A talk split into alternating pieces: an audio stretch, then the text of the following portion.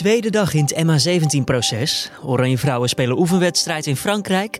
En nieuwe stappen in het vredesakkoord tussen de Verenigde Staten en de Taliban. Dit eh, wordt het nieuws. Veel Afghanen eh, reageren met heel veel frustratie en uh, afschuw uh, dat, zij op zo'n manier door, uh, door politici worden ja, eigenlijk bedonderd. De Afghanen voelen zich bedonderd omdat in hun land een politieke tweestrijd de gemoederen flink bezighoudt.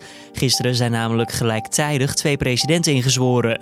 Beide vinden dat ze de rechtmatige winnaar zijn van de afgelopen verkiezingen. Dat zorgt voor veel onduidelijkheid, want wie van de twee zal zich nu focussen op het vredesakkoord tussen de VS en de Taliban? We gaan het hier straks over hebben met Afghanistan-kenner Sangar Paikar. Maar eerst kort het belangrijkste nieuws van nu. Mijn naam is Julian Dom en het is vandaag dinsdag 10 maart. In heel Italië gelden vanaf vandaag reisbeperkingen om de verspreiding van het coronavirus tegen te gaan. De premier van het land maakte bekend dat mensen enkel nog mogen reizen voor van en naar hun werk, voor boodschappen en voor noodsituaties. Grote sportevenementen zoals voetbalwedstrijden worden voorlopig uitgesteld. Ook alle andere openbare bijeenkomsten worden afgeblazen. Scholen en universiteiten gaan begin april pas weer open. De maatregelen zijn volgens de autoriteiten nodig om de kwetsbaarste mensen van de samenleving te beschermen. De oneenigheid tussen Turkije en de Europese Unie over de migratiestroom moet de komende dagen worden opgelost. Dat zeggen de voorzitters van de Europese Raad en de Europese Commissie maandagavond na een bezoek van de Turkse president Erdogan. De Turkse president was in Brussel omdat hij steun wil van zowel de EU als van de NAVO bij de strijd in Syrië en voor de opvang van vluchtelingen. De komende dagen praat de EU met Turkije in een poging om de meningsverschillen over de migratiestroom, die zijn vastgelegd in de Turkije-deal, op te lossen. Momenteel bevinden zich in Turkije zo'n 3,5 miljoen vluchtelingen. Door de onrust in de Syrische provincie Idlib kan dat aantal met honderdduizenden oplopen. De Amerikaanse president Donald Trump zegt dat er maatregelen worden genomen om eventuele economische tegenslagen door de uitbraak van het coronavirus te beperken. Om wat voor maatregelen het precies gaat, wordt later vandaag bekendgemaakt. Al sprak Trump over mogelijke tijdelijke belastingvoordelen. Vicepresident Mike Pence liet doorschemeren dat de regering in overleg is met het congres over betaald ziekteverlof aan werknemers die verplicht in quarantaine zitten. En miljoenen Mexicaanse vrouwen zijn maandag niet naar het werk of school gegaan uit protest tegen het vele geweld tegen vrouwen in het land. Onder het motto Een dag zonder ons willen de vrouwen laten zien hoe het eruit zou zien als zij uit de samenleving verdwijnen. In de laatste vijf jaar is geweld gericht op vrouwen met 137% toegenomen. Dat laten cijfers van de Mexicaanse overheid zien. Dan gaan we naar ons nieuws van deze dinsdag. Twee weken geleden werd bekend dat de Verenigde Staten en de Taliban een vredesakkoord hadden gesloten. Het werd als historisch bestempeld omdat dit een einde zou maken aan de langste buitenlandse militaire interventie van de Verenigde Staten. Vandaag zouden er nieuwe onderhandelingen plaatsvinden tussen Afghanistan en de Taliban. Door een opmerkelijke wending in het land kan dat echter wat stroef verlopen. En daarover belde collega Carne van der Brink gisteravond met Afghanistan-kenner Sangar Paikar. Hij vroeg hem wat er specifiek nu is afgesproken tussen de Taliban en de VS. Wat ze specifiek hebben afgesproken is dat de Amerikanen van de Taliban hebben geëist dat zij uh, niet meer toelaten dat Afghanistan wordt gebruikt als land om een bedreiging te vormen voor Amerika en haar bondgenoot. Dus de Taliban hebben in het verleden toegelaten dat uh, Al-Qaeda in Afghanistan opereert. En vanuit Afghanistan hebben ze de 9-11 uh, aanslagen gepleegd. Vanuit Afghanistan is het aangestuurd. Nu uh, hebben de Taliban beloofd dat ze dat niet meer toe zullen laten. En in ruil daarvoor gaan de Amerikanen al hun soldaten, al hun leger uit Afghanistan terugtrekken. Ja, dat zijn er echt duizenden, hè? In eerste fase, in de komende um, drie maanden, gaan er uh, 5000 uh, soldaten van de Amerikanen uh, Afghanistan verlaten. Vandaag is al aangekondigd dat de terugtrekking gaat beginnen. En binnen 14 maanden moeten alle buitenlandse troepen, dus de Amerikanen, alle andere westerse bondgenoten, de private military contractors, en zelfs de uh, uh, civiele hulpverleners van de troepen die aanwezig zijn in Afghanistan. Iedereen gaat Afghanistan verlaten. Waarom zijn alle partijen nu zo gebrand om een einde te maken aan dit tijdperk? Het belangrijkste uh, punt wat tot nu toe eigenlijk niet gelukt was, en het is nu wel gelukt, is dat de Amerikanen graag concreet een eis hebben gesteld aan de Taliban dat zij niet meer zullen toelaten dat, dat Al-Qaeda of een andere organisatie in Afghanistan opereert.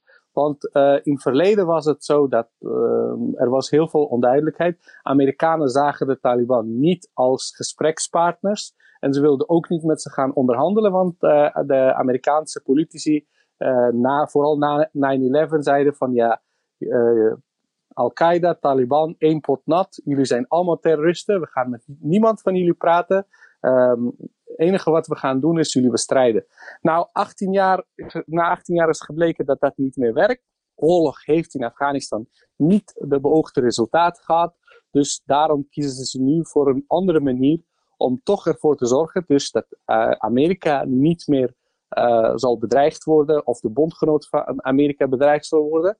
Uh, en tegelijkertijd, ze zullen ook de Taliban met rust laten. Zijn de afspraken die gemaakt zijn ook voor iedereen duidelijk, voor elke partij? Uh, voor de Amerikanen en de Taliban is het helder. En dat blijkt ook uit het feit dat na het ondertekenen van de overeenkomst hebben de Taliban de Amerikanen niet aangevallen en Amerikanen hebben de Taliban ook niet aangevallen. Er was wel een kleine uitzondering, maar zij hebben zich allebei aan hun afspraak gehouden. Alleen voor de Afghaanse overheid was dat niet het geval. En dat komt voornamelijk omdat Afghaanse president Ashraf Ghani als onderdeel van de overeenkomst 5000 soldaten moest, uh, van de Taliban moest vrijlaten. En dat wilde hij niet. Hij uh, wilde graag uh, daarmee wachten. Vooral tot vandaag, want vandaag was de officiële um, aanstelling van president Ashraf Ghani als president na de verkiezingen van september 2019.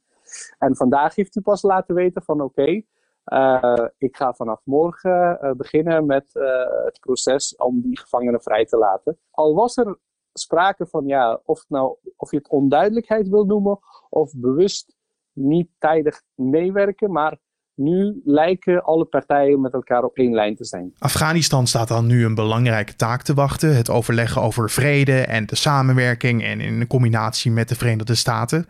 Dat is natuurlijk een taak voor de president van Afghanistan. Alleen er zijn nu twee presidenten ingezworen.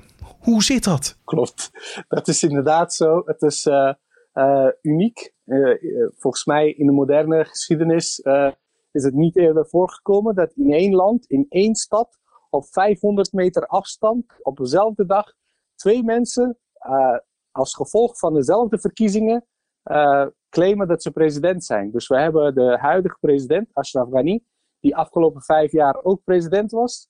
En we hebben zijn grootste rivaal, dat is uh, Abdullah Abdullah. zij hadden afgelopen zes maanden moeten wachten op uitslagen van verkiezingen van september 2019. Uh, dat was een totale fiasco. Er was sprake van fraude. Er waren heel weinig stemmen uitgebracht. En ze konden niet uitkomen van welke stemmen zijn nou rechtsgeldig en welke niet. Dus net voordat het verdrag werd ondertekend tussen de Taliban en de Amerikanen, heeft de onafhankelijke verkiezingscommissie van Afghanistan aangekondigd: we zijn eruit. Ghani heeft gewonnen. Abdullah heeft verloren. Uh, maar daar is Abdullah nu niet mee eens. En daarom heeft hij zichzelf vandaag ook president verklaard. Hij had een eigen ceremonie, plechtigheid. hij heeft op de Koran trouw gezworen dat hij de Afghaanse grondwet zal beschermen. En 500 meter verderop heeft president Ghani hetzelfde gedaan. Dus nu hebben we een situatie waarin twee mensen hebben gezworen dat ze grondwet zullen beschermen. Uh, wat natuurlijk betekent dat de andere persoon die zich rechtsgeldige president noemt, eigenlijk uh, in strijd met de grondwet handelt. Dus dat zou dan eigenlijk betekenen dat de, deze twee elkaar nu moeten gaan bestrijden. Om de grondwet te gaan beschermen. Uh, het is heel, heel triest, maar voor Afghanen voornamelijk, veel Afghanen reageren met heel veel frustratie en afschuw.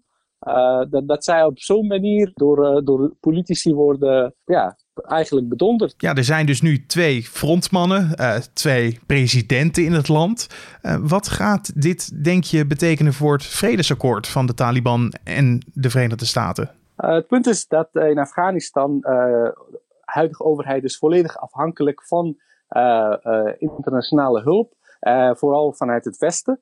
Dus de, de, de, de president die claimt president te zijn en steun heeft vanuit het Westen, die heeft het uiteindelijk voor het zeggen. En dat is dus Ashraf Ghani, want tijdens zijn ceremonie waren vandaag uh, Amerikaanse diplomaten aanwezig, hoofd van de ja, gevechtstroepen van de Amerikanen, generaal Scott Miller, en heel veel andere belangrijke politici en diplomaten uit het Westen, die waren aanwezig tijdens zijn ceremonie. En daarmee ja, kunnen we zeggen dat hij dus de legitieme president is. Want bij de, zijn tegenhanger, bij zijn ceremonie waren nauwelijks internationale gasten, behalve van Iran en Rusland, die waren daar. Voor de rest, de internationale gemeenschap heeft zijn ceremonie eigenlijk een beetje genegeerd. Alleen president Ghani heeft dus, nadat hij zichzelf president heeft verklaard, ook aangekondigd dat hij de 5000 Taliban-strijders gaat vrijlaten, zoals dat van hem verwacht wordt. En hij heeft aangekondigd dat morgen zijn een delegatie van onderhandelaars klaar zullen zijn. En hij zal de namen bekendmaken uh, van mensen die dus met de Taliban nu moeten gaan onderhandelen. Want uh, de Amerikanen en de Taliban hebben een akkoord bereikt. Zij gaan elkaar niet meer bestrijden. Maar nu moet de Afghaanse regering met de Taliban ook een akkoord bereiken. Zodat ook zij vrede hebben en zo, zodat ook zij niet meer met elkaar gaan vechten. Uh, en dan is het vredesproces compleet. Ja, want in Oslo zou er een, een overleg plaatsvinden tussen de Taliban en Afghanistan om te praten over vrede en de toekomst eh, van het land. Uh, maar het is nog onduidelijk welke partij aan tafel komt en of het wel doorgaat, hè? Ja, want Abdullah Abdullah heeft voordat hij zichzelf president had verklaard al laten weten dat hij zijn eigen delegatie zal sturen. En Ashraf Ghani heeft natuurlijk nu een lijst klaar van mensen die hij gaat uh, uh, naar Oslo sturen. Alleen wij hebben in Afghanistan een heel complex systeem. nou, je kunt het eigenlijk helemaal geen systeem noemen. we hebben te maken met verschillende etnische groeperingen. We hebben religieuze stromingen en dan hebben we verschillende regio's. En als gevolg van 40 jaar oorlog zijn er heel veel warlords en machtige krijgsheren in verschillende regio's, die uh, op hun buurt door uh, buurlanden of door uh, westerse landen worden gesteund.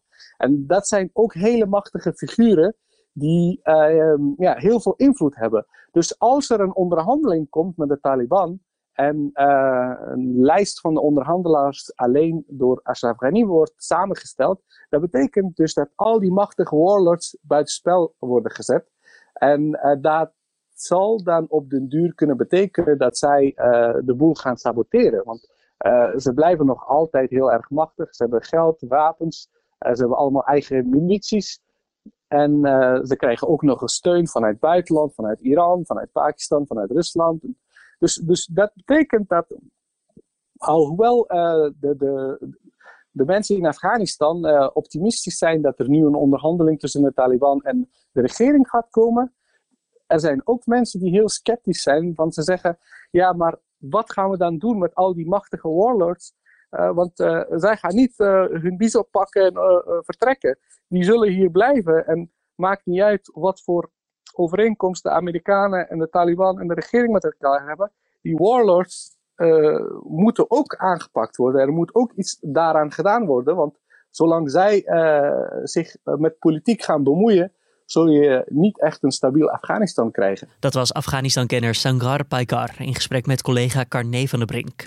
Dan verder nog eventjes de nieuwsagenda voor deze dinsdag. Het is de tweede dag van het MH17-proces in de beveiligde rechtbank Schiphol. In de eerste fase van de zaak zal er gekeken worden wie er ter zitting zullen verschijnen, hoe het staat met het onderzoek en wat er verder allemaal nog moet gebeuren. De Oranje Vrouwen die spelen vandaag hun laatste wedstrijd op het Tournoi de France. En het gaat om een oefenwedstrijd. De ploeg van bondscoach Sarina Wiegman, die de eerste twee duels met Brazilië en Canada doelpuntloos gelijk speelde, neemt het in Valenciennes op tegen Frankrijk. de wedstrijd die wordt vanwege de uitbraak van het coronavirus zonder publiek gespeeld. Koning Willem-Alexander en koningin Maxima die brengen vandaag een officieel staatsbezoek aan Indonesië. Het programma is iets aangepast na een dodelijk ongeluk. Bij een bootongeluk tijdens de voorbereidingen van het staatsbezoek kwamen zeker twee mensen om het leven. Het staatsbezoek duurt in totaal tot en met vrijdag. En het Europees Parlement bespreekt de uitbraak en de verspreiding van het coronavirus. Er wordt onder meer gesproken over de gezamenlijke inspanningen om de verspreiding te stoppen. Dan nog even het weer. Het wordt een grijze, bewolkte dag, kijk maar naar buiten, met heel veel regen en motregen. Pas in de namiddag klaart het vanuit het westen langzaam op. Het wordt zo'n 12 graden en er staat een stevige zuidwestenwind. En voordat we bij het einde zijn van de podcast, Madonna heeft haar Madame X Tour eerder moeten beëindigen vanwege het coronavirus. Dat komt doordat bijeenkomsten van meer dan duizend mensen momenteel verboden zijn in Frankrijk. De zangeres maakte maandag bekend dat haar twee resterende concerten, die gepland stonden op 10 en 11 maart in Parijs, daardoor zijn afgelast. Mocht jij nou in bezit zijn van zo'n kaartje en was je van plan om vandaag of morgen dat concert in Parijs bij te wonen, helaas. Maar je kan wel je geld terugkrijgen bij het verkooppunt. Dit was dan de Dit wordt het nieuws ochtendpodcast van dinsdag 10 maart. Tips of feedback altijd welkom. Laat het even weten via podcast@nu.nl. Vanmiddag hoor je mijn collega Carné met de middagpodcast die zo rond een uur of 4 à 5 online komt op de voorpagina van nu.nl. En morgenochtend ben ik er weer. Om 6 uur staat dan weer de Dit wordt het nieuws podcast voor je klaar. Een fijne dag voor nu. Mijn naam is Julian Dom en tot morgen.